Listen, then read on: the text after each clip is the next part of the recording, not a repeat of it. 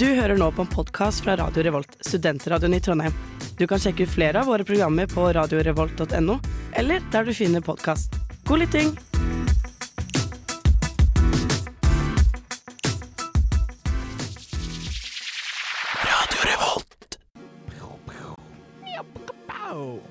Velkommen til en ny heftig episode av Nerdeprat.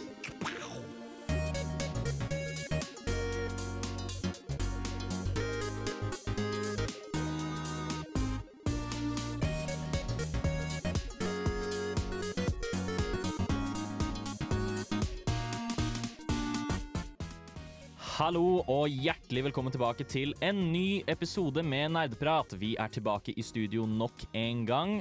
Og i dag skal vi snakke om Electronic Arts, aka EA, aka den mest hata spillselskapet i hele verden. Ja, vi må nok bytte navn til Dramaprat, for i dag blir det drama. Ja, Men vi skal også faktisk snakke um, litt om eh, de, de bra tinga som EA har kommet med, eller i hvert fall studiene til EA har kommet med. Mm. Um, men det blir nok også en del slakt og en del sinna og en del andre ting. Uh. Spennende.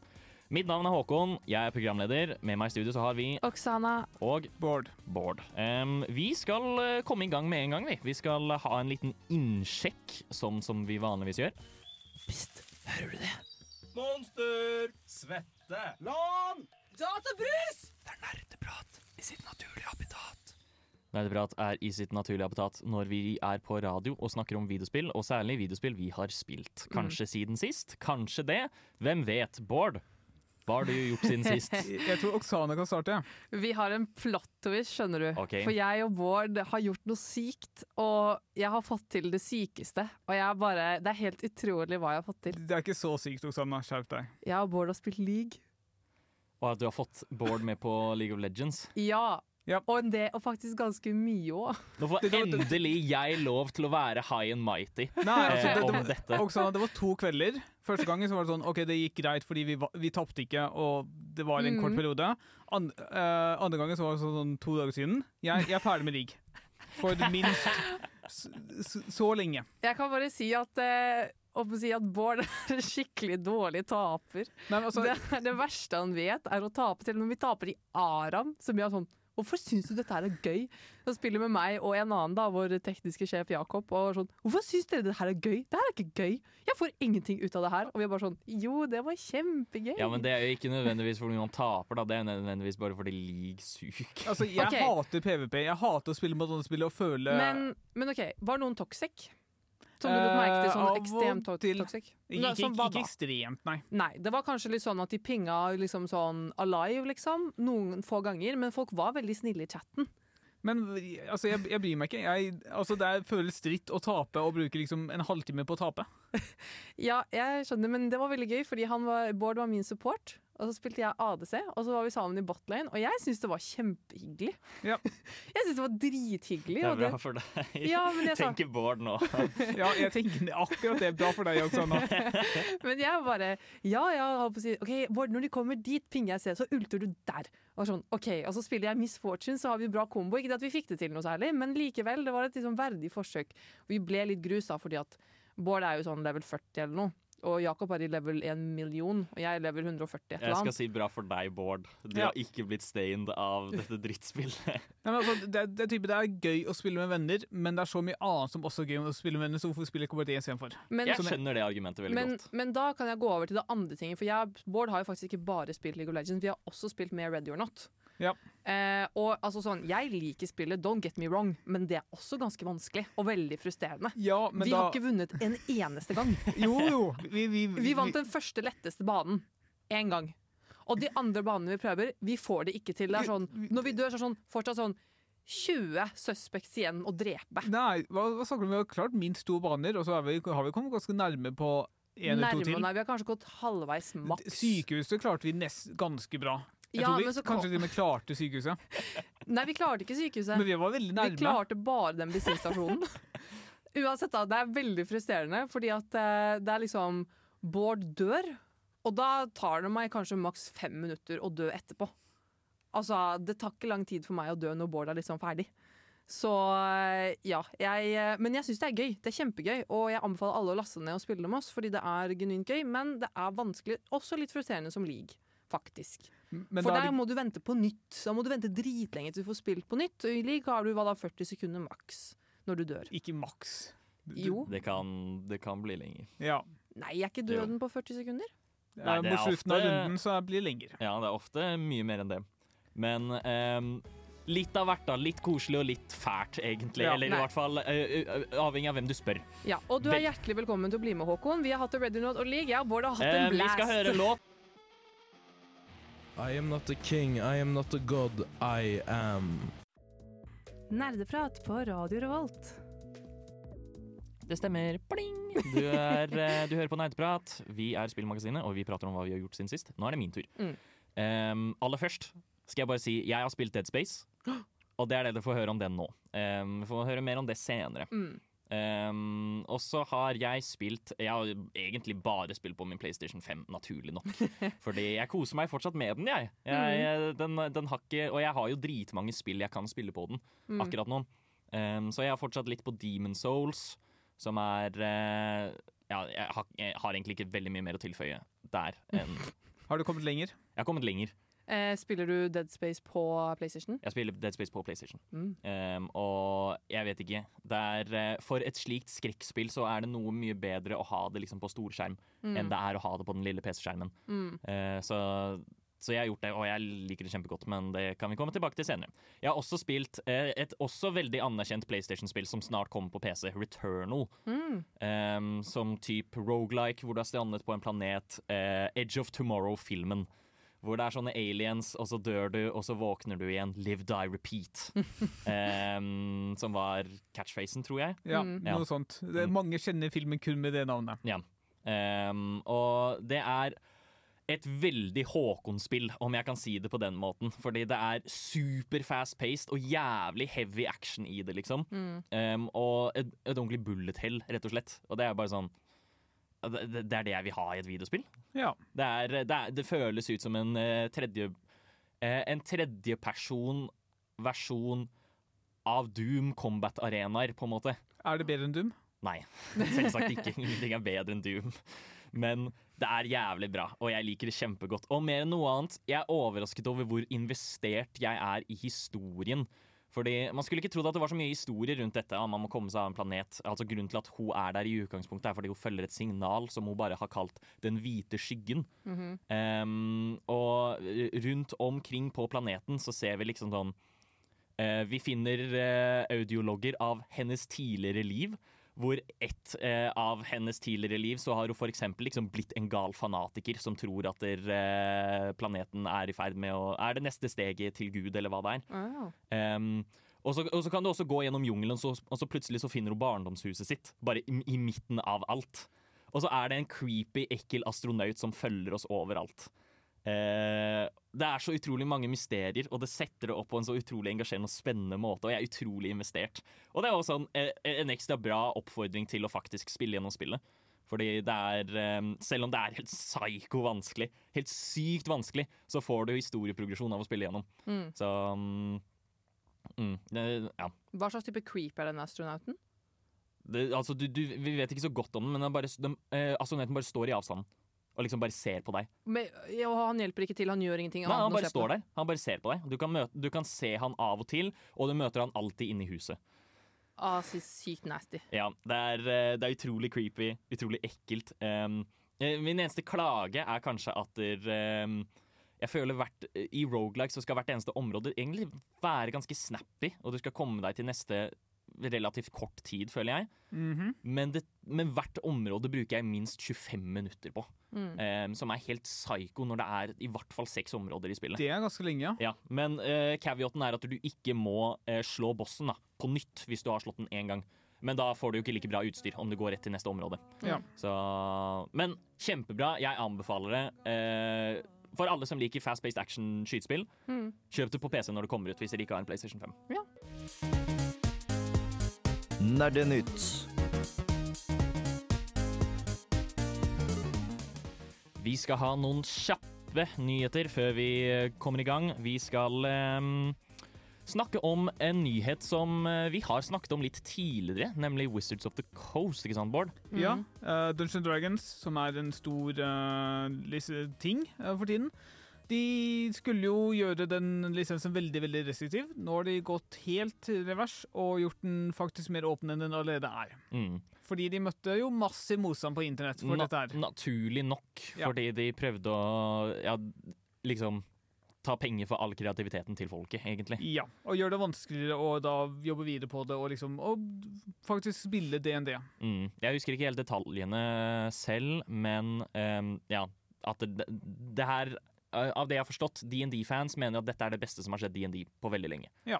Så, Altså den nye beslutningen, ikke den Ja. forrige. Ja, den nye Mm. beslutningen. Eh, Mm. Viktig å presisere det. Ja.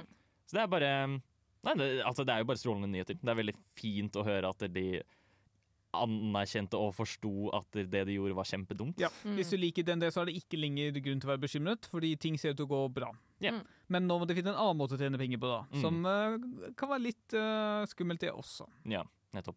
Noe annet?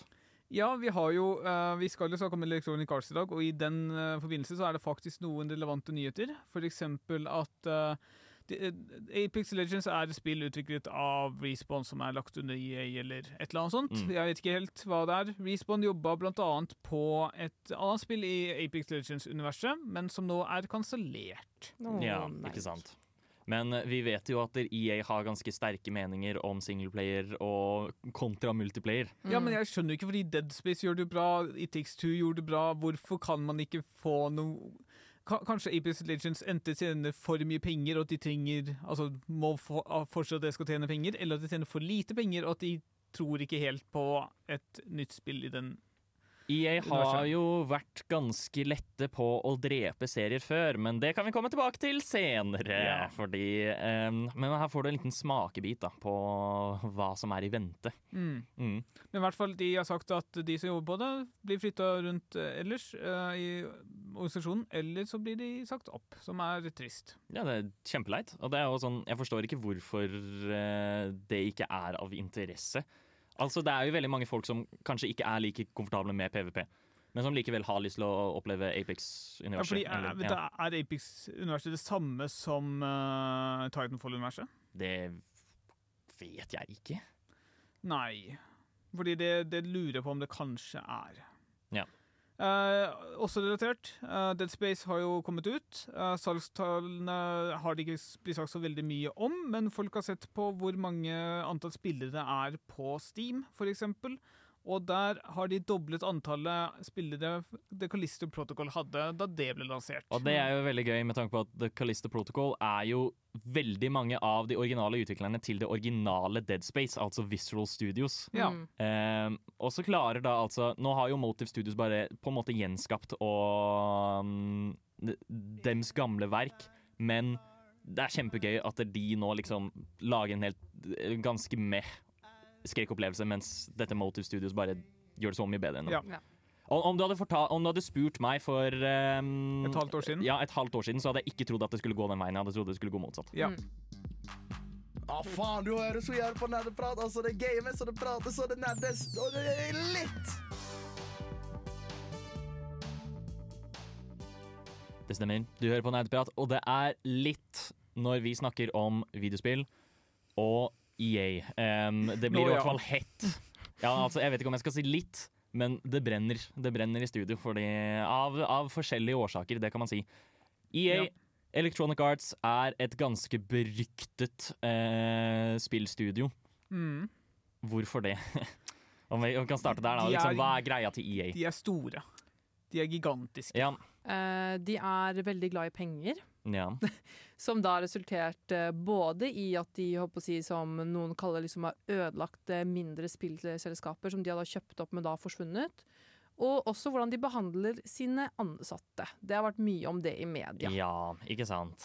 Og det er ehm, Ja, det, det, det, er stort preg av det i av at det liksom er generelt ikke så de, de, de er ikke så gode De har en helt jævlig businessmodell, og de um, er ikke så gode på å ut, bruke IP-ene de eier.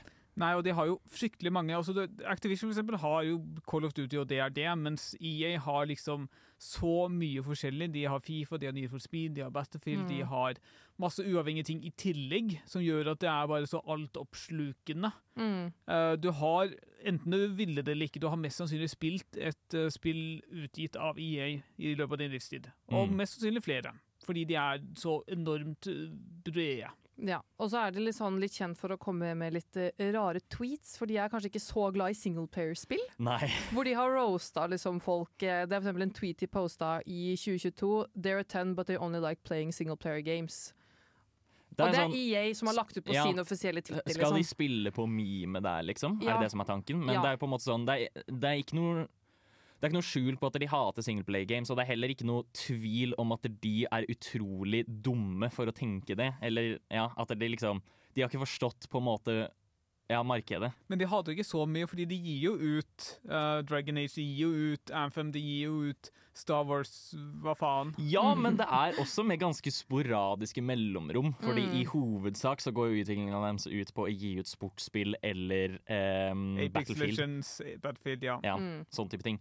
Så det er sånn Nei, de er ganske problematiske på mange forskjellige områder, egentlig. Mm. Ja. Eh, Men det skal sies at de har jo produsert mange gode spill òg, da. mange, produsert mange gode spill, så, og, så, så, så denne sendingen her eh, blir egentlig en liten sånn Det blir en hyllest til spilla og litt hate på EA. Ja, Um, De som sitter i toppen. Ja, fordi ja, vi har hata allerede ganske mye, men altså, noen av de tingene vi kommer til å snakke om, da, for å nevne det, er eh, mange av selskapene som er under EA, som f.eks. BioWare. Vi kommer til å snakke om Dead Space, fordi Dead Space har kommet ut til ganske ravende suksess. Mm. Um, kanskje vi, Og så kommer vi til å snakke litt om EA Sports og lignende type spill. Mm. 360 No Scope. 420 Blaze It. Mom, get the camera. Nerdeprat på Radio Revolt.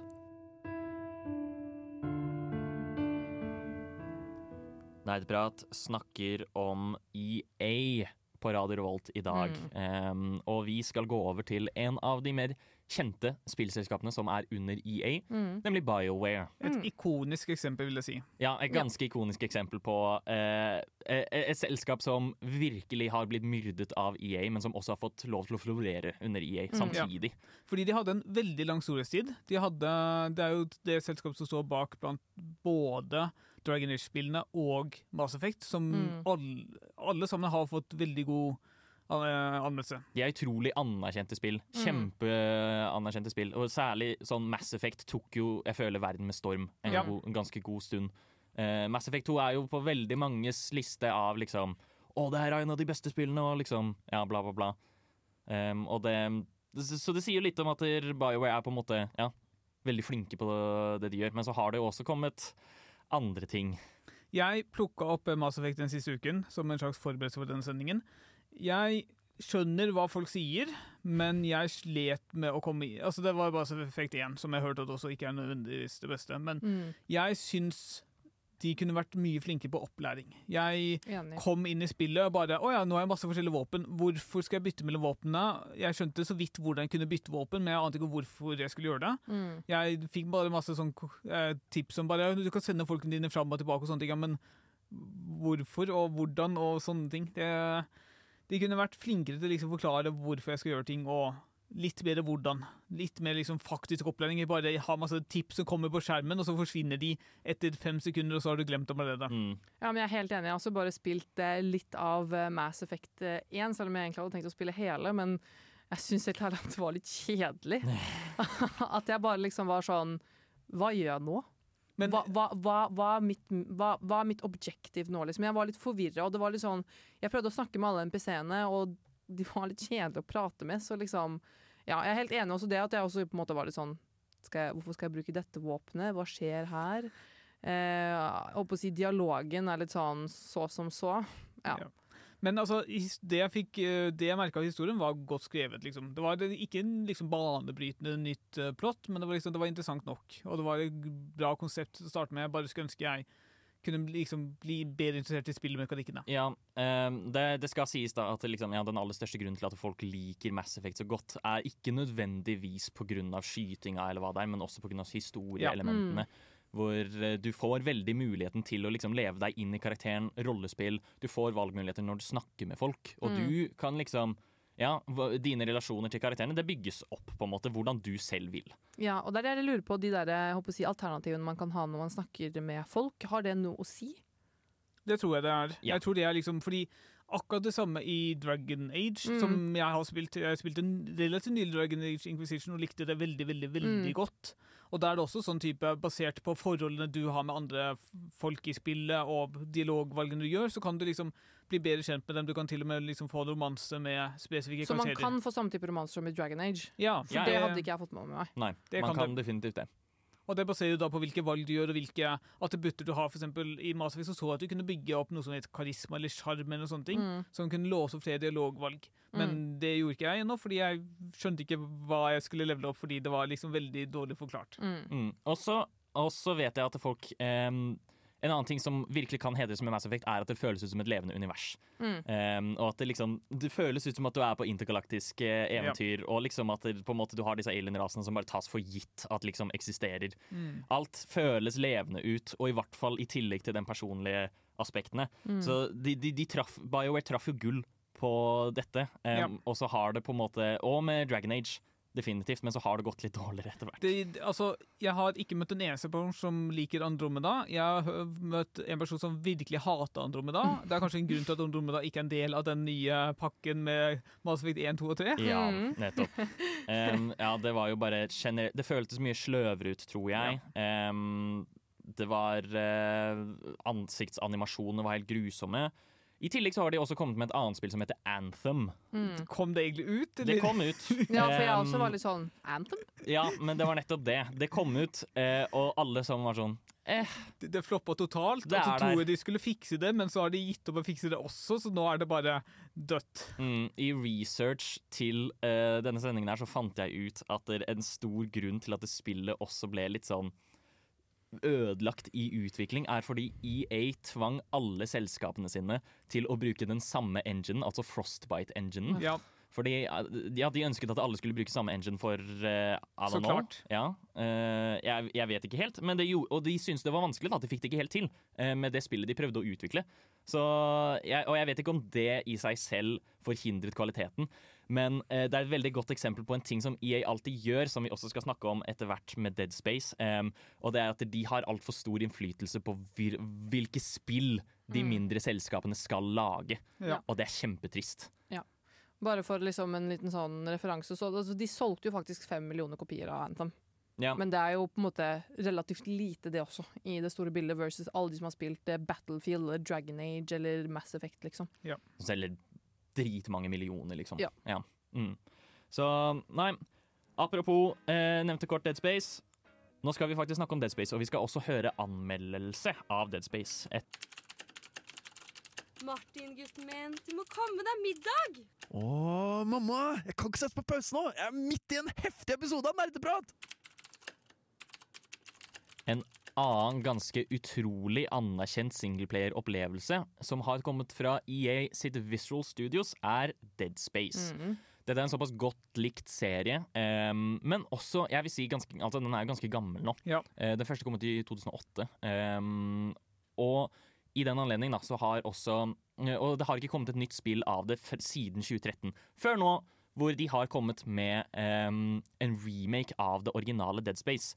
Jeg har spilt det. Og jeg, altså, jeg, jeg er kjempe, kjempeglad i originalen, og jeg har spilt remaken for å se hvordan det holder opp. Vi skal høre min anmeldelse her nå. I verdensrommet kan ingen høre deg skrike. Å, fy faen. Åh, nei! Men fra hybelen min var det store sjanser for at du kunne høre skriking og hyling og alle andre mulige rare lyder den siste uken. For i Dead Space, om du spiller Dead Space, kan alle høre deg skrike. Dead Space er et survival horror actionspill der man spiller ingeniør Isaac Clarke som drar til skipet USG Ishimura i håp om å finne kjæresten sin Nicole Brennan etter kontakten med skipet forsvinner fullstendig. Det viser seg imidlertid at det døde crewet hjemsøker skipet da de har blitt gjenopplivet og gjort om til grusomme, avskyelige skapninger kalt necromorphs. Den originale Dead Space, utviklet av Visceral Studios, kom ut for hele 15 år siden og pustet nytt liv i survival horror-sjangeren som tilsynelatende var død. Space. Om en skulle gå tilbake til Dead Space nå, derimot, ville kanskje en opplevd spillet som litt clunky og upolert til tider, og ikke med verdens beste grafikk. Så bra er det da at Motive Studios har kommet med en remake av det 15 år gamle spillet, og jeg kan virkelig ikke understreke hvor fantastisk denne remaken er. Den beholder og forsterker alt som gjorde originalen bra, fikser de ubrukelige våpnene og gjør dem til faktisk ganske gode valg, og gjør historien lettere tilgjengelig enn den tidligere har vært, og alt ser helt forferdelig realistisk ut. For å starte, Dead Space er virkelig kjent for at det oser atmosfære. Jeg har aldri vært så redd for å gå ned en korridor før som i Dead Space, med altfor mye blod smurt utover veggene og bare et enkelt døende lite lys. Jeg klarte aldri helt å sette pris på det visuelle i originalen, derimot. I hvert fall nå. Du merker at spillet er ganske gammelt. Remaken ser så mye mer realistisk og levende ut, og den nye grafikken er helt ærlig grunn nok i seg selv til å skaffe dette spillet. Dette ses ikke bare i områdene du navigerer, men også necromorphsa, som nå er dekket av detaljer, slim og innvoller. Herlig for jævlig eye candy. Det er grusomt, ekkelt og skumlere enn det noen gang har vært. Jeg kan også snakke om noen av de mer generelle endringene i level design, og litt om historien. Dead Space-remaken har ingen overordnede store endringer med stedene du besøker, og du besøker fortsatt de samme områdene til samme tid som du gjorde i originalen. Du legger likevel fort merke til at enkelte rom ser veldig annerledes ut enn de har gjort tidligere, og hele skipet er nå så restrukturert til at du lettere kan komme deg mellom ulike deler, som får skipet til å føles så utrolig mye mer sammenkoblet enn før. Etter hvert som du får høyere sikkerhetsklarering, blir det også lettere å gå tilbake til tidligere områder for oppgraderinger, som gjør dette spillet nesten litt mer lignende enn blodig og skrekkelig Metroidvania. Ikke bare fikser det noen av problemene i navigeringen til originalen, men gir det også en frisk pust, da du faktisk aldri vet hva som venter deg i neste rom.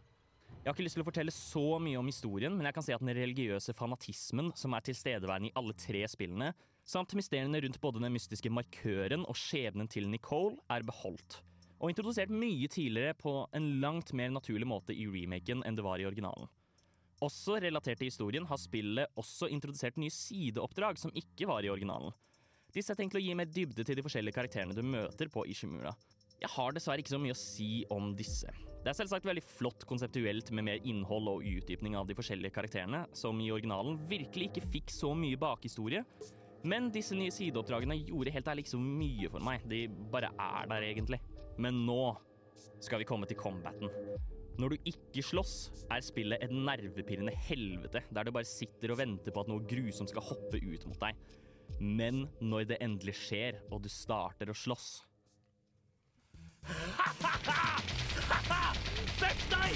Ditt jævla dumme drittmonster, smak på denne! Hæ? Åh, jeg elsker lukten av napalm om morgenen. Jeg skal faen meg drepe deg! OK, he-he. Ja, det var kanskje litt vel voldsomt. Men jeg bare elsker combaten i Dead Space. Den er så grusom, og den er så intens og så utrolig tilfredsstillende. I stedet for å skyte mot hodene til necromorphsa som i alle andre skytespill, skal du nå heller skyte av dem lemmene. Og du får ikke vanlig militærvåpen til dette, du bruker faktisk ingeniørverktøy, som virkelig er noen av de mest unike våpnene jeg har sett i et spill. For eksempel kan du få et våpen som heter Ripper, som svever et roterende sagblad rett foran deg til å skjære av armer og bein. Og den fantastisk kule Contact Beam, en megasvær laserstråle som smelter fiender på sekunder. Selv våpnene som var litt dårligere i originalen, som den vanlige militærrifla og flammekasteren, har fått bedre funksjoner i remaken, der rifla f.eks. kan kaste ut små og effektive bomber, og flammekasteren kan lage en vegg av ild. I tillegg har Isaac fuckings telekinese, så han kan kaste bomber og spyd på necromorphsa. Og det er bare så sykt rått og kult å bruke alle disse verktøyene, og hvert eneste rom er designet for å være en liten personlig lekeplass for spilleren, ved at de legger bomber liggende rundt og klaustrofobiske møter med fienden, hvor du virkelig er nødt til å bruke hvert eneste våpen du har, og hver eneste funksjon du har for å overleve. Og det er derfor jeg som avslutning har lyst til å virkelig fremheve Dead Space som en gøy survival horror. Og settingen og atmosfæren og alt annet er utrolig stressende, men combaten gir et så utrolig rush av tilfredsstillelse. Det hele skaper en fantastisk miks, der du gruer deg til å møte på fiender, men gleder deg til å slåss mot dem. Det går sammen til å bli virkelig en av de aller beste survival horror action-opplevelsene jeg har hatt på så mange år. Og remaken er uten tvil den beste måten å spille Dead Space på. Der fikk dere høre min anmeldelse av Dead Space. Jeg likte det. Ja, det, Jeg vet ikke om det var eh, åpenbart. jeg tror det var åpenbart, ja. Og det er jo veldig åpenbart at dette er et veldig godt spill. Et veldig bra spill. Ja, um, for egentlig alle som liker um, For folk som liker action survival horror-spill, altså det er en unik sjanger. Ehm, survival horror og action skal man ikke tenke seg går hånd i hanske, men Dead Space får det til virkelig helt fantastisk bra. Uh, at det, det er ikke måte på. Og det, det er også så sykt smarte med liksom ehm, å, å få deg til å føle deg hjelpeløs, samtidig som at de liksom får deg til å føle deg dritgod og badass. Mm. Hvor, hvor mange fiender er du egentlig kjemper mot samtidig?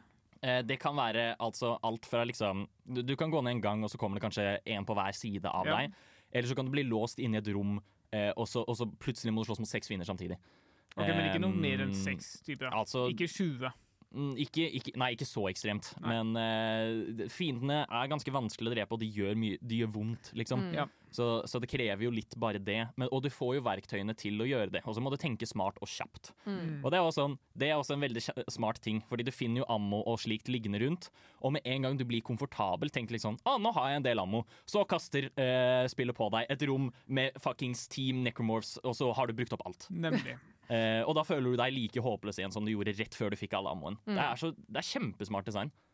Jeg, vet- jeg vet ikke. Jeg bare Eh, For jeg som plukka opp eh, den originale Dead Space fra 28 2008 denne uken, burde jeg slutte å spille det og spille nye, eller burde jeg fullføre og vente litt og spille nye, eller hva tenker Ja, du? for det spørs um, om ehm, Det spørs angående økonomi, fordi dette er, dette er jo et fullprisspill.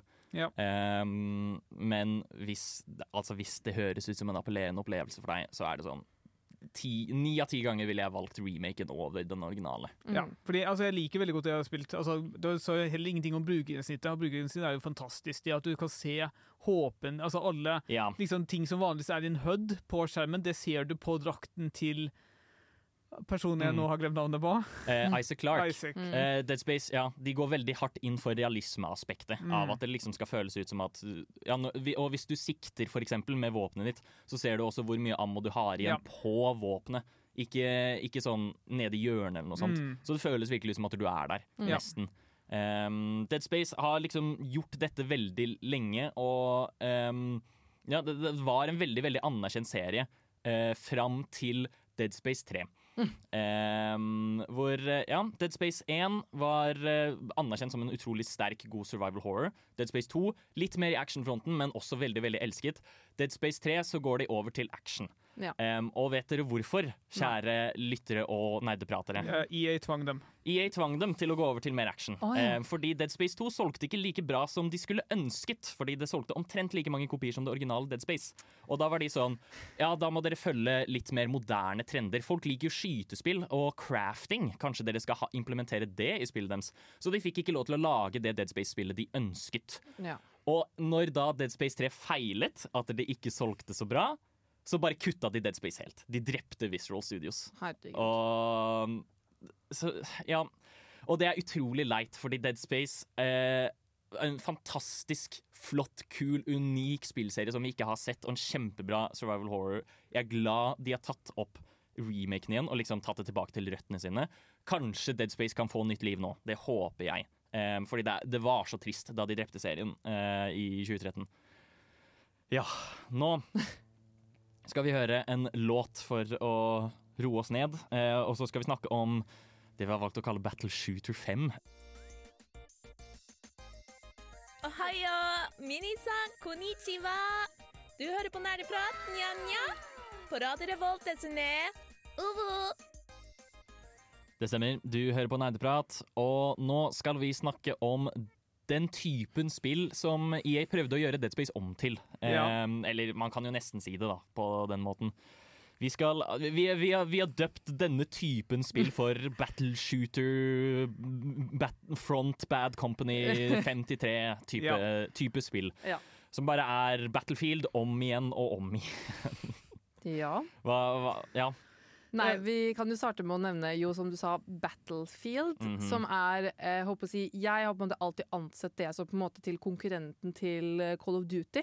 Det har jo basically vært det. Altså, Ja. Jeg føler det var alliansene på barneskolen. Spesielt type sånn eh, Teen rundt Bad Company 2 og Ja. Battlefield 3 eller 4 var det vel som kom Ja. etter det. Ja. Ja. Eh, og jeg er en eh, Battlefield-person. jeg spilte veldig mye Battlefield 2 og Battlefield 3 og Battlefield 5. Mm. Eh, og jeg har alltid syntes det var gøy. Eh, Battlefield er en utrolig bra spillserie, men eller, altså, Frem til.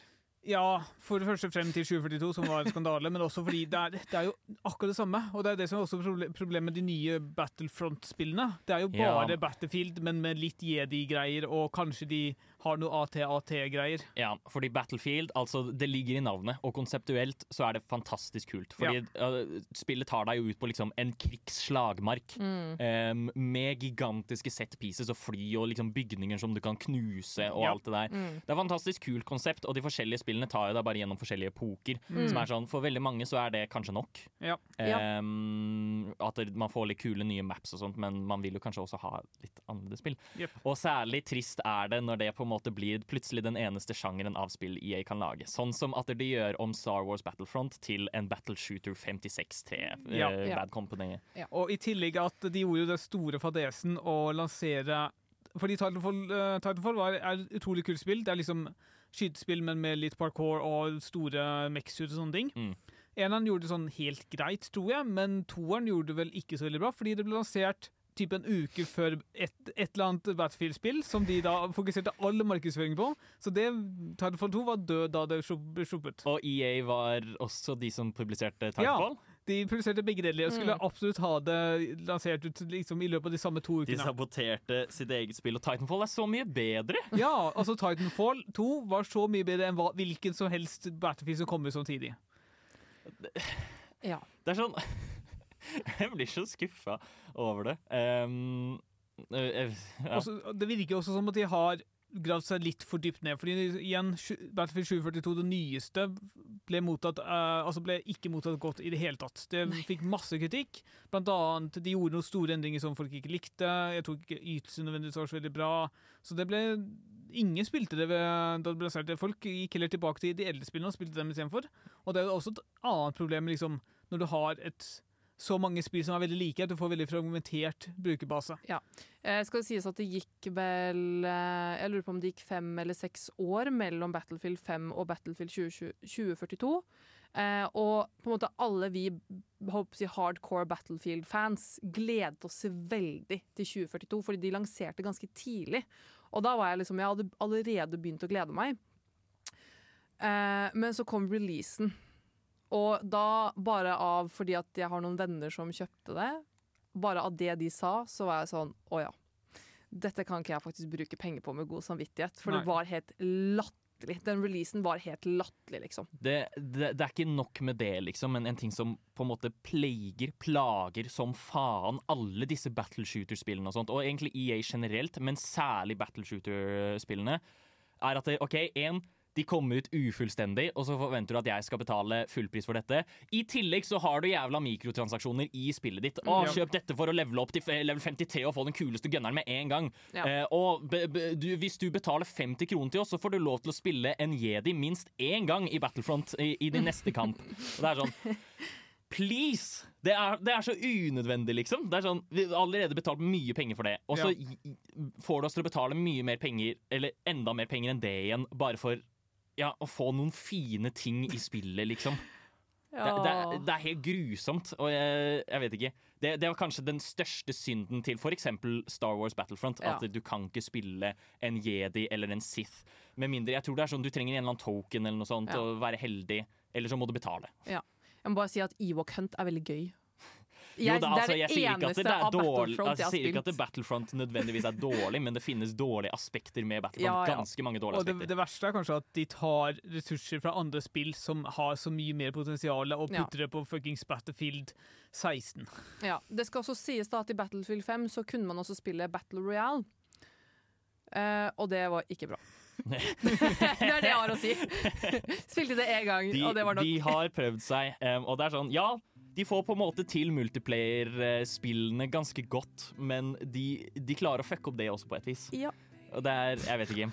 Men Battlefield 2 var veldig bra. Ja, altså. Det og, og mer, mer enn noe annet sur over at dette dreper alle singleplayerspillene til EA. Ja, um, og enig. noe annet som også dreper singleplayerspillene til EA, som vi skal snakke om, er EA Sports. Aktung! Aktung! Nerdeprat er på igjen, og dette krever din fulle oppmerksomhet. For vi snakker om de mest sofistikerte emnene i historien, nemlig videospill og andre nerdeting. Jeg sa aktung!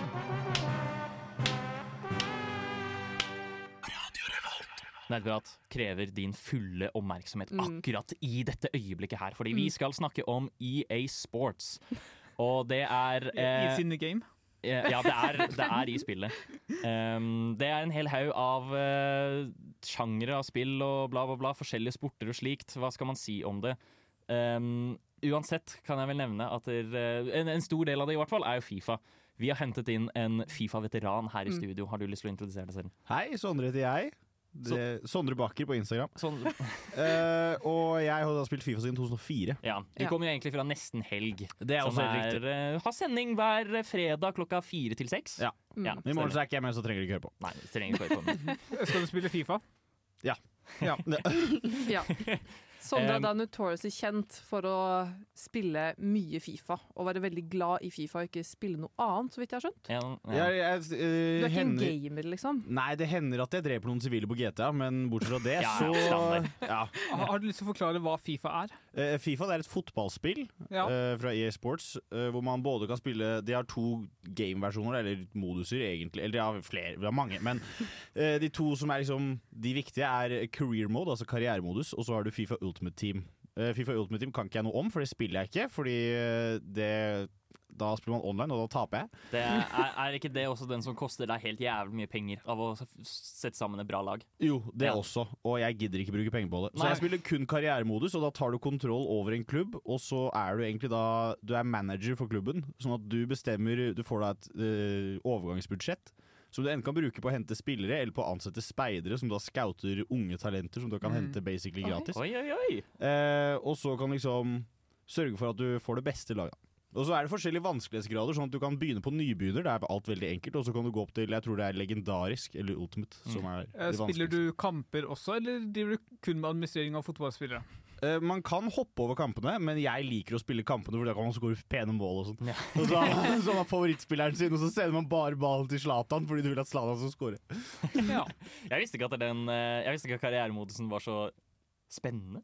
Det er ganske, Ja, det er ganske altså- spennende, så plutselig så henter du sånne spillere som du aldri den, Så er det sånn Denne spilleren kommer jo ikke til klubben min. Mm. Men så henter du det uansett, fordi ja. Men er dette nytt, eller har dette vært i alle Fifa-spill? Dette har vært i alle Fifa-spill, tror jeg. Eller i hvert fall siden jeg, jeg begynte å spille. Ja. Som er 2004. Men må huske at Fifa kom startet rundt 2000 senest. Jeg mener å huske Fifa-spill fra min barndom, rundt 2000. Ja, jeg er jo Fifa 6, jeg, Ja, så jeg er jo ekspert, jeg òg. Eh, men for å gå tilbake eh, Jeg tenkte jeg skulle spørre deg for eksempel deg litt om kampene. Eh, fordi eh, jeg ser på Fifa, og så er det som å spille fotball i det hele tatt. Eh, Ikke nødvendigvis liksom uh, deg som spiller, for det er jo åpenbart ikke det, fordi du holder en kontroller. mm. Men er det, tenker du at det liksom spille Fifa er realistisk? Er det like fysisk utmattende som å spille en ekte kamp? uh, Si psykisk, da. Psykisk så er det virkelig utmattende, i hvert fall hvis du spiller på Ja. høy vanskelighetsgrad og du er i Champions League-finalen. liksom. eh, men eh, det er en viss realisme til det, men du ser jo også at det ikke er Det er noen ting som bare aldri kan skje. Sånn Før for eksempel, så kunne jo spillere gå igjennom andre spillere. og så var det bare sånn Og det er litt sånn noen ganger Men er, dommerne er jo litt wack noen ganger, da. Så det er jo på en måte På en måte så er det litt realistisk, det òg. Ja. For jeg, for jeg ja, det er jo viktig. for Ja. jeg sitter hjemme i sofaen min, og så roper jeg sånn Er ikke det frispark?! og, til dommeren, som er ikke en ekte person som ikke hører meg. Men du gjør vel det samme når du ser på fotball på TV òg, da? Det gjør jeg også. Men da er dommeren en ekte person. Ja, høre han. men, men da har fortsatt Fifa gjort jobben sin. Det gir deg illusjonen av at du ser på en fotballkamp. Det er helt riktig. Ja, Mm. Sånn sett så er jo det bra. Um, også eh, lurer jeg på, hva, hva, hva, er egentlig, hva er egentlig grunnen til at man skal kjøpe den nye Fifa hvert år? Hvis man f.eks. har kjøpt Fifa 19, da, hvorfor skal man kjøpe Fifa 20? Uh, det jeg syns er fint med er at da får du de oppdaterer overgangsmarkedet. Uh, sånn at du Ja. får liksom Hvis alle de gode spillerne dine liksom har kommet til din klubb, så kan du Så kjøper du nytt Fifa, for da kan du liksom sitte der og spille med de spillerne. Men er, kan du ikke bare få den overgangen inn i spillet, det gamle spillet? Jo, det kan man også, men så oppdaterer du også spillerne. Sånn at hvis du mener at For de har jo en overall rating og Ja, et potensial. Ja. Og hvis potensialet plutselig Hvis de finner ut at Oi, han spilleren her er jo egentlig dritgod, og så har han drithøyt potensial, så det er liksom morsommere å spille med han. Så egentlig så vil du spille en versjon hvor dine favorittspillere har høyest score. Det er helt korrekt. Ja. Mm. Og så er det litt Det er sånn bitte små oppdateringer til eh, spillet hvert år, men det er, det er ikke så Det er ikke så mye at det spiller noen rolle. Nei. Nei. Nei, jeg skjønner. Det, er- det er faktisk veldig interessant det med ratings og sånt, fordi det jeg, gjorde, jeg har gjort litt research på det, fordi jeg har genuint lurt på hvordan de rater. Og jeg tror det er et team på EA som faktisk liksom observerer en hel haug med fotballkamper, og så har de sitt eget kart av liksom stats som de vurderer ut ifra, og så regner de det ut på noe vis, og så kommer det tall. Um, og de populære spillerne får da liksom sånn et par poeng ekstra, naturligvis, enn Mm. de har i stats. Sånn at de skal bli de beste spillerne også i spillet. Ja. Mm. Cristiano Ronaldo, for eksempel, ikke like god som han var for et par sesonger siden. Har fortsatt Jeg syns han har for høy rating. Ja, ikke sant? Mm. Men, men fordi han er liksom Å, han er verdens beste fotballspiller, så får han så jævlig høy, mye høyere rating. Liksom. Han får Mm. sånn fem poeng mer eller noe. Ja, basically. Hvordan merker du den i spillet? Type Løper de dårligere? Er de mindre treffsikre? Eller? Det kommer litt an på hvilke, hvilke stats man taper på. Men du, du Eh, merker det faktisk. du, du merker det, for hvis du setter en du har, De har jo da en spurthastighet, eller en Mm. pace, da. Uh, som da er f.eks. 40 mot en spiller som er 90. Så blåser jo han på 90, Ja. bare blåser deg unna, liksom. Det skjønner jeg. Og da har du også på nederlandsk nederlandske Hvis du bruker nederlandsk kommentator, så lager han også scooterlyd. Hvis spillerne løper forbi spillere. Så sitter han sånn Å, det er som han sitter på en scooter! Og det er veldig morsomt, så jeg spiller alltid med en nederlandsk kommentator, for han er mye morsommere. Så jeg vil også gi et lite tips, og det er at eh, Fifa har eh, ikke gitt EA lisens til å fortsette med å produsere Fifa-spill. Ja. Ja. Så, så ikke kjøp Fifa-spillet, kjøp EAFC. Ja, for det er det jeg også ville ta opp. Dette med at Fifa ikke er en del av EA, men det skal begynne å hete EA Football Club. Mm. Hva er greia med det? Et, er det ikke at Det- det FIFA lyst til å lage sine egne spill? Det er bare, Ja, bare Og så altså, skal da EA lage sitt eget fotballspill Ja. som skal være konkurrenten til Fifa. Mm, Men EA har jo da alle ting som er i EA, er, eller i Fifa nå, Ja. er, jo, er det jo EA som eier. Mm. Det er bare navnet Fifa som Fifa har tatt for seg selv, og så skal de lage et Fifa ja, skal ja, lage et nytt spill. Så Fifa som et spill skal ikke begynne å produsere sitt eget Fifa-spill som er uavhengig av EA? Jo, jeg tror det basically er det de skal gjøre. De har bare fått noen andre til å utvikle det. Ja. Eh, noe sånt. Mm. Eh, jeg vil si tusen takk for eh, praten, Sondre. Jo, takk for at vi kom med. ja, jeg håper vi ble alle litt mer lærerike om Fifa. EA Sports har selvsagt veldig mye mer til seg. Det er jo basket, NBA, 2K og Madden og alt det der. Men ingenting har tatt verden like mye med storm som Fifa. Ja, fordi Så- Fifa er best. Woo! Yeah! Hei, hvor er det du går hen, da? Festen er ikke over ennå, du hører jo fortsatt på nerdeprat. Woo! Du hører fortsatt på Nerdeprat. Eh, vi snakket om EA Sports nettopp. Eh, vi rakk ikke å nevne det, men bare sånn Også et spill som suger ut veldig mye tid av ja. Og som er, Som er over- veldig ja. populært. Veldig, veldig populært. Ta Eh, Chad Gamers med storm. ja, absolutt. Eh, Altså, de fleste av de sportsspillene er jo veldig veldig populære, men Mm. Fifa definitivt mest. Um, nå skal vi over til en annen ganske stor, veldig, veldig veldig stor sjanger. Eh, eller Ja. ikke sjanger, men spillserie. Den er Til- jo nesten sjangerdefinerende. Ja, eh, Mm. ja men definitivt. Ehm, vi skal snakke om The Sims. Eh, jeg kan eh, med, ja, si at Nerdeprat har faktisk hatt en hel dedikert Sims-sending ehm, høsten 21. Mm. Ehm, hvor vi fikk en hel haug med innslag av masse forskjellige historier og slikt som folk har gjort i Sims-spillene når de har spilt. Hvis du er interessert i det, så kan du høre på nå. Nå skal vi snakke litt mer om spillet, altså, liksom, altså spillserien som helhet, Mm. framfor innholdet. Fordi Sims er jo da en livssimulator, hvor du lager deg en familie, og så flytter du inn, og så ja, lever du livet ditt, egentlig. Ja. Og liksom hva du kan gjøre, er på en måte sånn det, det, varierer avhengig av hva slags utvidelser du har. Og hvilken versjon. og hvilken versjon du har, og bla, bla, bla. Men eh, det er utrolig stort, eh, og liksom, i hvert fall de tidligere spillene var meget variert i liksom, hva du kunne gjøre. Og hva, Mm. ja. Så, så, så veldig mange får jo utrolig mye glede ut av disse spillene. I å bare liksom lage nye familier, gjøre helt nye ting. Liksom Få dem til å oppføre seg annerledes. Dra på universitet, få seg et kjæledyr. Ja, nettopp. Altså, de Um, lever livet de ønsker at de hadde. Ja, eller, eller bare sånn hvis de har lyst på en psykotisk episode, så kan de få liksom lage seg en familie med en som bare sakte, men sikkert dreper alle. Det er også veldig populært, har jeg hørt, å plassere simmer i eh, bassenget og fjerne stigen. Ja, nettopp. Sånn som det, for eksempel. Jeg så Jeg har sett en YouTube-serie en gang av en person som liksom sakte, men sikkert gjorde en lamp... Liksom eh, lagde et hus som ble en kult, eh, hvor de tilba en lampe Ja. av noe slag. Um, det er ganske ja, det er utrolig kreativt hva folk finner på med, med Sim-serien. Mm. Når det er sagt, um, Sim-serien har vart ganske lenge. Det, um, Jeg husker Sims 1 slash 2 fra rundt 2000-tallet. ja. Eh, da, kom, da kom det til og med ut i PlayStation og PC og bla, bla, bla. Mm. Det samme gjorde Sims 2. Eh, og vi har kommet fram nå til Sims 4. Og hva folk syns om de forskjellige Sims-spillene, er jo litt varierende. Men jeg tror vi alle kan være enige om at det er et massivt pengesluk. Hvis du ser på antall utvidelser øh, Nå har nå har ikke spillene kommet så hyppig ut lenger, men de, øh, hvert spill har jo kanskje liksom ti utvidelser, Ja. som er helt latterlig mange. Det, men det er, sånn sett så er det kjempefint at de på en måte beholder langvarigheten til spillet, framfor å bare lage et nytt Sims hvert år. Ja. Um, og heller komme med utvidelser og slikt. Um, og det har de vel gjort helt siden Sims 2, Mm. hvor de har kommet med utvidelser og bla, bla, bla. Den generelle tanken er vel at Sims 4 er et mye sløvere forsøk på Sims enn de tidligere spillene. Mm. Um, fordi ja, du hadde på en måte veldig mange utvidelser i Sims 2 og sånt. Der, kunne jo, ja, der er det jo college og kjæledyr og alt det der. Uh, Sims 3 tror jeg hadde litt mindre, um, men, jeg tror det, men det, jeg tror også det ble anerkjent som et bra spill med ganske gode expansions. Og i Sims 4 så tok det eh, tre år, uh, tre-fire år før du kunne ha baby. Var ikke det, ble ikke det indusert i sånn type Sims 2 eller noe sånt? Jo, um, jeg, tror det, jeg tror det var baby, i hvert fall. At der, eh, når du fikk deg barn da, så bare ble det barn. Ja. Um, men at, der, du, at den kunne ikke være en baby. Liksom, at du kunne ikke passe på den som en baby. Ja, jeg skjønner.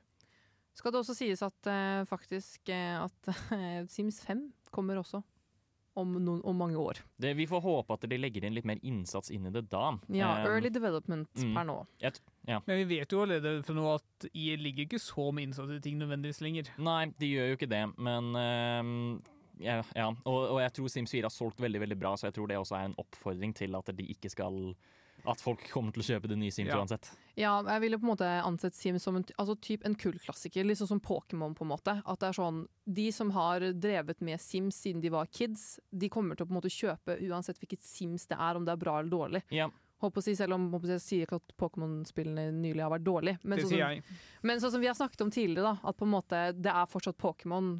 Pokémon er Pokémon, og Sims vil forbli Sims. ja, det er nettopp det. At så lenge du kan ha sex og customize og sånne type ting, så tror jeg folk er fornøyd. Ja, Uh, det er veldig sant. De, de det, det er en ganske die hard fanbase der. Ja. Um, hvor liksom òg sånn alle driver jo maser om at da de spilte Sims, eh, Sims 2 og Sims 3, og sånn, så hadde de kjøpt alle expansionene. Mm. eh, og spilt eh, alle expansionene sånn tre ganger og bla, bla, bla. Så det er sånn Folk er glad så lenge de får Sims, men Ja. det, det betyr ikke at de ikke kan gi litt mer innsats inn i Sims. Fordi det er en kjempebra spillserie, og det fortjener på en måte den kjærligheten den trenger. Ja. Enig. Ja. Du hører faktisk på eh, nerdeprat. Game er gøy. Du hører på Nerdeprat. Vi snakker fortsatt om EA. Vi har snakket om eh, veldig mange av de på en måte kjente spillstudioene, og de kjente spillene som EA legger altfor mye tid inn i. Um, som for eksempel Battle Shooter 5 og Fifa og alt annet. Nå hadde vi en ganske hjertelig prat om Fifa, men Ja. um, ja. De, de bruker for mye ressurser på det. Mm. Men um, vi har også lyst til å bruke litt tid på å snakke om diverse annet, egentlig. Ehm, Mm. fordi det er andre spill òg som EA har publisert, som man også altså, definitivt kan anerkjenne som gode innslag, men som ikke passer under noen av disse ehm, rammene. Eller, man Jeg er en stor forkjemper for Spore. Spore, da det kom ut, veldig bra spill. Jeg, jeg, det er jo en klassiker. Kan du Det er jo- fortelle meg litt om Spore? Spore, uh, du starter som liksom en uh, Jeg husker ikke om du starter som encelleindivid, eller hva du gjør, men du, du følger en slags evolusjonsvei evolusjonsvei fra å leve i havet som et veldig enkel organisme, til liksom å komme seg på land, få litt føtter, lage et miljø og sånne ting. Og så tror du helt, kommer helt til liksom eh, by og verdensrom og sånne ting. Mm. Så det er sånn um, Spillet endrer seg avhengig av hvilket stadie du er på. Ja. Um, hvor, ja, i, når du er liten, så svømmer du rundt i vannet helt til du blir stor nok til å gå på land. Mm. Um, og så ja, er du på land og slikt helt til du blir stor nok til å f.eks. dra ut i verdensrommet. Og så kan du designe alle, altså vesenet ditt helt på egen hånd. Ja, Så du kan jo lage liksom en kuk, eller du kan lage det kuleste fuckings Godzilla-aktige monsteret du Ja. har sett. En sånn- kuk? Ja, Å ja. For eksempel. Gutta mine eh, på eh, barneskolen syntes det alltid var dritfett. Dritgøy å lage kuk. Det er et um, Altså, det er Jeg vet ikke om jeg ville at det er et veldig anerkjent spill. Um, jeg tror folk liker det veldig godt, men at det, det, ikke ble tatt godt imot av kritikere. Nei, jeg tror de som spilte det og liksom liker sånt, likte det veldig godt og savner det, men at det kanskje er det mindretallet, ja. Ja, per def en kultklassiker, egentlig. Ja. Um, og ja, det er også liksom en sånn Det er faktisk et spill som Jeg vet ikke om vi har sett noe lignende til det komme i ettertid. Mm. Um, Ikke som jeg vet om, nei. Nei, um, og da er det supertrist at de på en måte ikke går videre Ja. med det. Um, vi kan også ta en annen. Dette er PopCap Games, da, um, som da har publisert Plants vs. Zombies under EA. Mm. Um, som også er ganske elsket uh, PC Tower Defense-spill. De prøvde seg jo til en sånn flerspilleropplevelse som jeg ikke husker helt om slo an eller ikke. Ja, fordi Plants vs. Zombies Garden Warfare Ja. um, er da på en måte en tredjeperson zombiesaktig skytespill. Mm. um, som eh, Det er et kjempegøy konsept. Det skal man faktisk ikke skimse av. Um, og det, altså, jeg tror de gjorde det såpass bra at det kom tre spill. Okay. tre Garden Warfare-spill. Um, toeren er best. Jeg bare sier det her nå. Men, um, og så har de jo i ettertid kommet med Plants vs. Zombies 2, som fortsatt lever. Og så Ja. skal de komme med Plants vs. Zombies 3 etter hvert. Mm. Og det er fordi Plants vs. Zombies er en så ufattelig elsket um, serie. Og Mm. fordi det liksom har så mye sjarm og er så enkelt å spille. Det har utrolig mye sjarm. Ja, fordi det er jo bare sånn ja, at du legger ned liksom Planter. ja, du, legger, du legger ned en melon som er en katapult, og skyter andre meloner, liksom. Ehm, og så, og så ehm, har du Hva er det? Min favoritt fra Plants vs. Zombies 2 heter Bonk Choi istedenfor Bok Choi. um, som da bare slår zombiene i stedet, fordi han bonker dem, ikke sant. Utrolig sjarmerende. Bra, det har liv, på en måte. Ja, veldig Mm. bra. Mm. Noen Men det er også litt ironisk at de måtte gjøre det om til et uh, skytespill, det også, da. Ja, men nå er det jo tilbake til Tower Defense. Men det har blitt mobil, da, med mikrotransaksjoner. Lol. Mm. Vi, vi Ehm, må jo også selvsagt nevne It Takes Two, som vant uh, årets beste spill, tror jeg. Det Ja. året det kom ut. Uh, utrolig bra tospilleropplevelse som Altså, du har nest, jeg tror ikke du har sett maken til Nei. siden eller før det. Det er latterlig bra. Ja. Og det er bare Ja, det er så Det er så sykt fint, og det er liksom sånn utrolig lett tilgjengelig, men også sånn enormt variert gjennom hele. Ja. Det er så mye kreativitet lagt inn i det Mm. spillet, og det er også sånn eh, Det er et testament på EA som publisør. Fordi de publiserer ganske ofte. Så Mm. publiserer de ganske gode spill under uh, andre selskaper, da, naturligvis. Uh, men EA selv ikke nødvendigvis alltid de beste til å utvikle. Nei. Ehm, Vi skal vi snakke litt om eh, Fordi vi har tidligere pratet om Knockout City, som var et utrolig bra konsept, men jeg tror det ble ikke godt mottatt i det hele tatt. det var EA, det òg? Jeg, jeg tror det. What the fuck? Alt er EA, ass. Jeg blir helt satt ut av det. Ja, alt er faktisk og, og det er um, og, og det gjør jo meg også redd, fordi um, de har jo historie av å drepe selskap. Um, Ja. Og Å, helvete! Jeg må forte meg! Det er en ny episode av Nerdeprat. Det kan jeg ikke gå glipp av.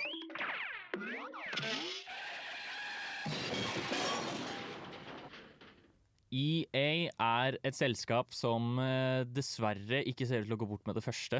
Um, så dette neste de neste minuttene har jeg da altså lyst til å spørre dere hva tenker dere om EA framover? Hvordan tror dere det kommer til å gå?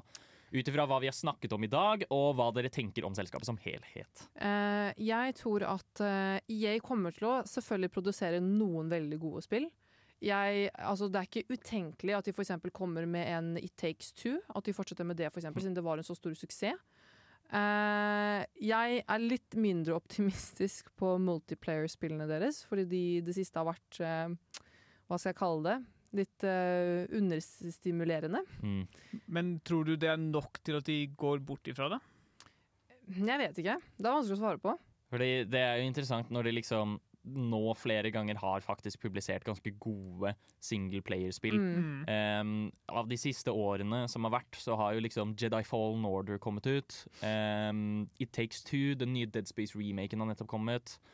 Uh, utrolig mange gode singleplayer-opplevelser, men vi vet jo veldig godt ståstedet til Electronic Arts Mm. angående singleplayer-spill. Ja. De mener jo at det, det er dødt, at det ingen er interessert i det lenger. Som de har bevist seg selv feil om. Mm. Men eh, fordi, altså nok, Det er jo én ting, men nå har jo de feila Altså 2042 floppa totalt. Mm. Uh, hva, hva var Battlefield-spill som kom ut før det? Eller skytes... Var det Battlefield 5? Battlefield 5 ja, kom ut for 2040. Ok, Så det gjorde det greit, men kom Battlefront 2 ut etter det? Fordi det var ikke så godt mottatt, tror jeg, nødvendigvis heller. Poenget mitt er at liksom, de store flerspiller, i hvert fall skytespillene, har jo ikke vært godt mottatt siden type Battlefield 5. Mm. Nei, men jeg tror på en måte siden de har Altså På Battlefield og Battlefront så har de på en måte såpass stort monopol da, på akkurat liksom denne spillserien. Så jeg tror på en måte at eh, de kommer nok eh, Altså Jeg vil jo tro, nå har jeg ikke har søkt det her opp, at eksempel Battlefield 5 har nok høyere salgstall enn It Takes Two, for, It Take, It Takes Two for eksempel.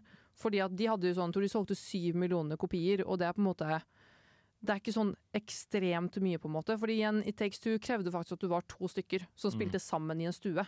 Og gjerne da hadde en PlayStation. Ja. Og jeg er litt usikker om man kunne spille på PC eller ikke. Det tror jo, jeg ikke. man jo, kan det. så klart. Man, jo. Ja. Men uansett, da, at det er på en måte kanskje de liksom fortsetter å produsere liksom sånn halvveis OK multiplayer-spill fordi de faktisk tjener penger på det, for folk er jo veldig blodfans. Jeg Eneste grunnen til hvorfor jeg ikke har kjøpt 2042, er fordi at jeg ble student. Og hadde ikke råd. Hadde jeg på en måte øns kunne ønsket meg det i julegave fremfor en støvsuger, så hadde jeg på en måte gjort det. Ja.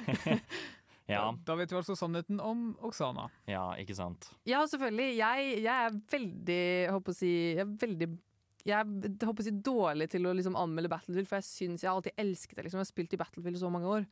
Men det ser ikke ut som uh, liksom, enkeltspilleropplevelsen kommer til å forsvinne. Nå har de jo satt så mye på det. De har gitt Ja. ut Mass Effect på nytt igjen. De Mm. kommer med nytt Dead Space. De Ja. har et nytt Star Wars-spill i, uh, på vei. Ja, Mm. um, så jeg har lyst til, når som vi ser på EA framover, bare liksom tenker uh, Teoriserer om fremtiden.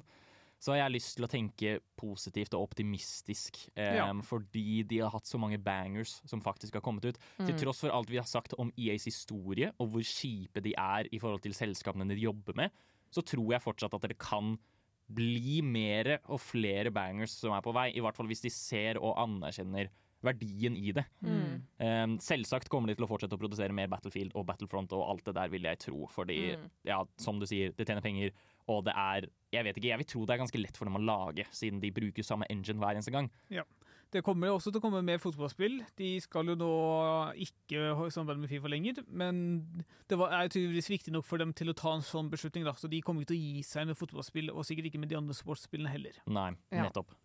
Og så vil jeg også på å si backe, backe mine claims. Jeg skal også si at den første uka så solgte jo faktisk Battlefield 2042 over fire millioner Det kopier. er altfor mye. Ja, det er altfor mye, faktisk. Men igjen, det sier, jo, det sier jo igjen da at det er sånn du, trenger, du ser traileren, du ser liksom Wow, det her virker dritkult. Fordi alle, altså trailerne virker dritkule, det skal jeg ikke si noe på. Jeg var dritgira. Men så rekker du ikke å kjøpe det i tide, og så Mm. finner du at, noe, at det suger. Og dette er grunnen til at du aldri forhåndsbestiller spill. Ja. Med mindre du stoler veldig på selskapet. Men det er ikke EA. Aldri. Husker du Cyberpunk? Ja. Ikke sant? Åh, jeg liker egentlig veldig godt å jazze med gutta. Det er jo så gøy. Ja, spesielt med nerdeprat. Nerdeprat er så koselig å jazze med. Ja, ja, jeg er helt enig i det. Ja, ja altså, de burde jo egentlig hett Jazzeprat, de. Du hører på Jazzeprat. Velkommen til Jazzeprat, programmet hvor vi jazzer om egentlig hva vi vil, hva vi Mm. føler for. Um, vi har lyst til å jazze litt grann, og spekulere litt og chatte litt om uh, en ting som vi syns kanskje er litt rart, da. Um, som um, er Hva skal man si? Det er litt relatert til EA, faktisk, men uh, det, det steker seg forbi det også. Og det er rett og slett bare Hva er egentlig greia med folk som kjøper det samme spillet hvert år? Vi burde ha Sondre her fortsatt.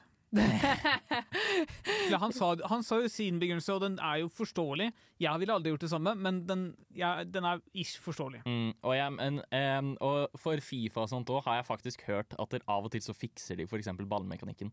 Ja. Um, Mm. Ballfysikken og lignende. eh, og hvordan spillet spilles, da, Mm. rett og slett. Som er eh, Og, og det, det er jo på en måte grunn nok til oppdatering i seg selv, kanskje. Ja. Men det kommer ut hvert eneste år.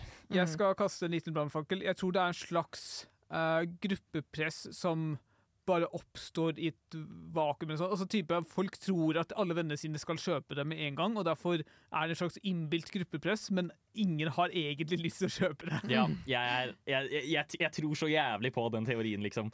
At det er sånn Fordi vi snakket nettopp om Battlefield 2042, som solgte over fire millioner kopier i åpningsuka si, til tross for at det ble fucking slakta, liksom. Ja. Mm. Og det er jo altså en, Et logisk svar på det må jo være at eh, Battlefield, alle gutta som spiller Battlefield 5, ikke sant? og vibe med det er sånn derre Å, det kommer nytt Battlefield, og så må de kjøpe det med en gang, Ja. det, er, det er det nye Battlefield, og Mm. alle skal spille det nye Battlefield.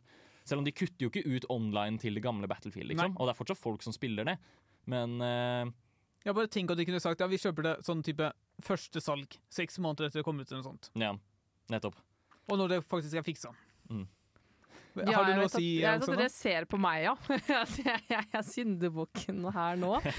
Eh, som sagt, jeg har ikke kjøpt Battlefield 2042 fordi jeg ikke hadde penger, og ventet, som en flink person gjør. Ja, Men det er godt. Eh, men igjen, da. Jeg var jo ganske fort på ballen med f.eks. Battlefield 5.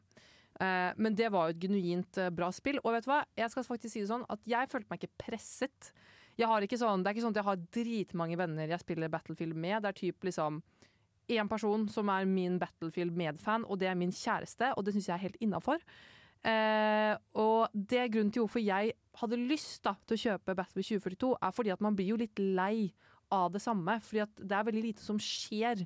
På en måte Etter et par år så er det veldig lite nytt som skjer i spillet.